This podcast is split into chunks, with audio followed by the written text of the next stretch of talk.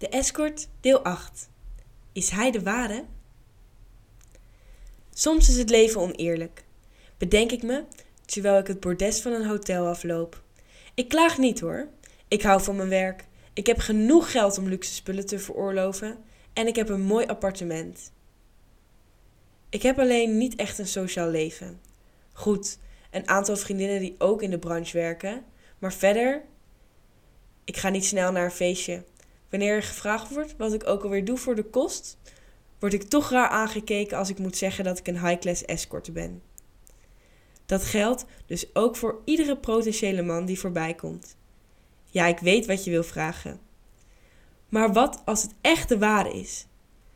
Nou, als ik echt, maar dan ook echt het gevoel heb dat ik met je wil trouwen, zeven kinderen van je wil en 80 jaar met je kan worden, dan ben ik bereid om mijn werk en mijn bijbehorende luxe leventje op te geven. Maar tot die tijd.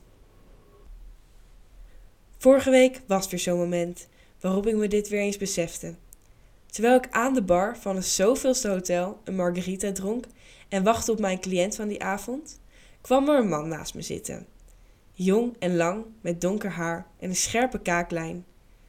Zijn fonkelende blauwe ogen keken in de mijne terwijl hij glimlachte. Wat doet zo'n mooie dame als jij hier zo laat? vroeg hij. Zijn stem was donker, zacht, maar toch net hard genoeg. Zo'n stem waar je al kriebels van in je buik krijgt.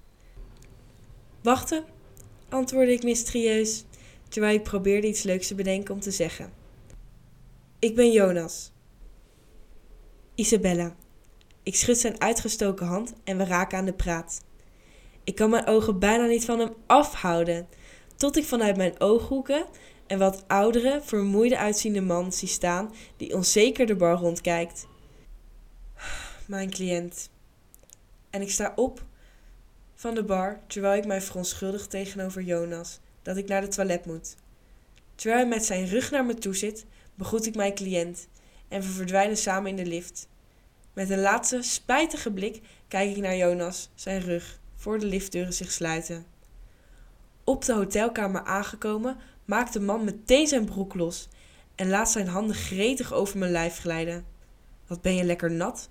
kreunt hij, terwijl hij zich in me stoot. Weet hij veel dat ik van tevoren een half flesje glijmiddel naar binnen heb gespoten? Met mijn gedachten bij Jonas, maar op het juiste moment reagerend, werk ik mijn cliënt naar zijn hoogtepunt. Er parelt zweet op zijn voorhoofd, terwijl zijn buik continu tegen me aandrukt. Het is dat hij zoveel betaalt, want anders. Een half uurtje later, opgefrist en wel, loop ik langs de bar richting de uitgang. Als ik iemand hoor roepen: Mevrouw! Ik draai me om en zie hoe de barman op me afgesneld komt.